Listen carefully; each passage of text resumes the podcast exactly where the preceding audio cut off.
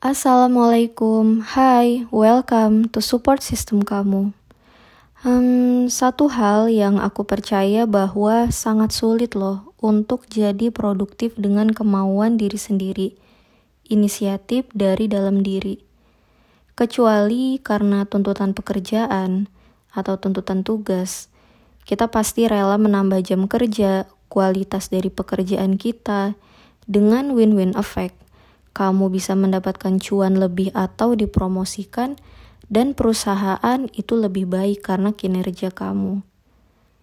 Di sela-sela waktu kesibukan, seharusnya saat ini kamu punya waktu khusus untuk berpikir sudah sejauh mana yang kamu lakukan untuk mencapai goals-goals yang kamu buat.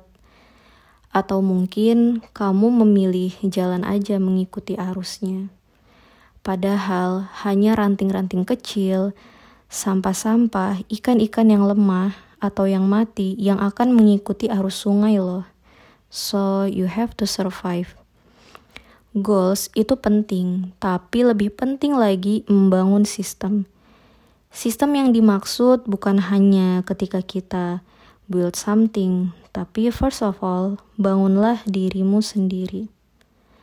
Ada satu cara efektif yang saat ini aku pikir bisa memotivasi aku untuk better dan semangat dalam berproses, bekerja, ataupun belajar. Pertama, itu nggak selalu berfokus pada uang.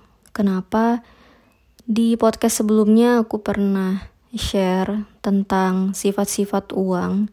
Sifat-sifat orang yang dia sukses itu yang salah satunya itu nggak selalu berfokus pada uang Ya, untuk lebih jelasnya, lebih lengkapnya, kamu bisa deh cek podcast aku yang sebelum ini.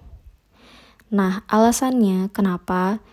Karena ketika kamu fokus terhadap uang, kamu akan mengeluarkan potensi otak yang sesuai dengan uang yang bakal kamu terima. Nah, dan itu semua bakal bikin kamu kurang totalitas. Tapi kalau saat ini kamu bekerja dengan totalitas, mengerahkan semua potensi yang kamu punya tanpa berpikir ulang berapa yang bakal orang bayar untuk kamu.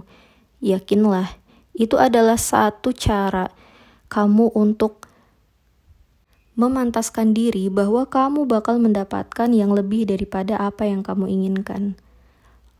Terus, cara yang selanjutnya adalah bayangkan saat kamu di masa tua dengan kesehatan yang pastinya menurun aktivitas yang gak bisa produktif lagi.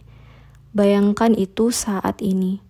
Apa aja sih hal-hal yang bakal kamu sesalkan, yang belum kamu lakukan, yang belum kamu pelajarin, yang sebenarnya ada di dalam mimpi kamu, catatan kecil, impian yang gara-gara mager untuk belajar, males untuk memulai, Tahu-tahu saat ini kamu udah berusia 50-60 tahun karena satu hal yang gak bisa dibeli yaitu waktu.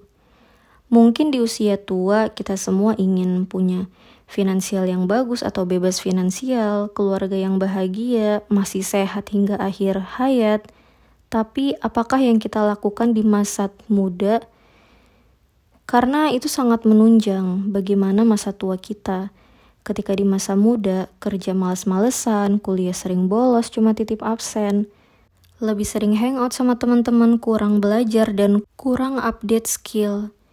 Kita nggak kekurangan lulusan-lulusan dari universitas terbaik, tapi kita kekurangan orang-orang yang dengan motivasi mereka lebih daripada sekedar uang yang bukan hanya menukar waktu dengan uang, tapi mereka yang memiliki motivasi besar agar tidak menyesal di hari tua.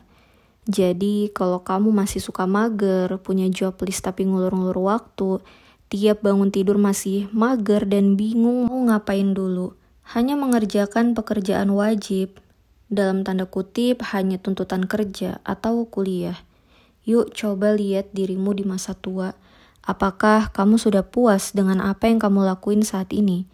Dengan pengetahuan yang kamu punya, pola hidup yang kamu lakukan, masih sembarangan makankah, mager olahraga mager belajarkah, dan lain-lain. Semua itu patut kamu renungkan karena waktu nggak akan pernah bisa dibeli dengan uang. Masa tua nggak akan pernah bisa disembuhkan hingga menjadi muda lagi. kecuali jika kamu menjaga kesehatan pikiran kamu, fisik, dan kondisi hati. Usia bakal tetap semakin tua, tapi tidak akan mengikis semangat yang kamu kobarkan sejak muda. Jadi, jika kamu sudah tua saat ini, apa nih hal-hal yang kamu sesalkan karena tidak kamu lakukan hari ini?